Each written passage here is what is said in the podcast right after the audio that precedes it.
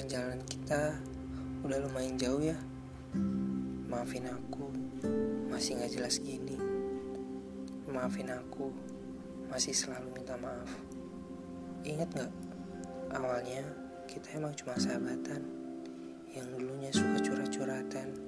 Akhirnya timbul dari diri aku sebuah perhatian. Dan semuanya gak mudah. Gak mudah cara mengerti kamu.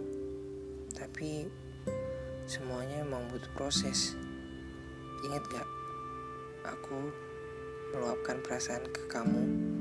Waktu itu juga pas buat podcast kan. Hari itu habis kita makan buci ya gak?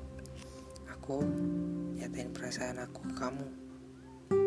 Dan akhirnya kamu juga setuju kita melangkah bersama. Seneng banget rasanya awalnya kamu tuh dingin mungkin rasa bosan itu ada. Tapi aku gak pengen pergi. Aku sayang kamu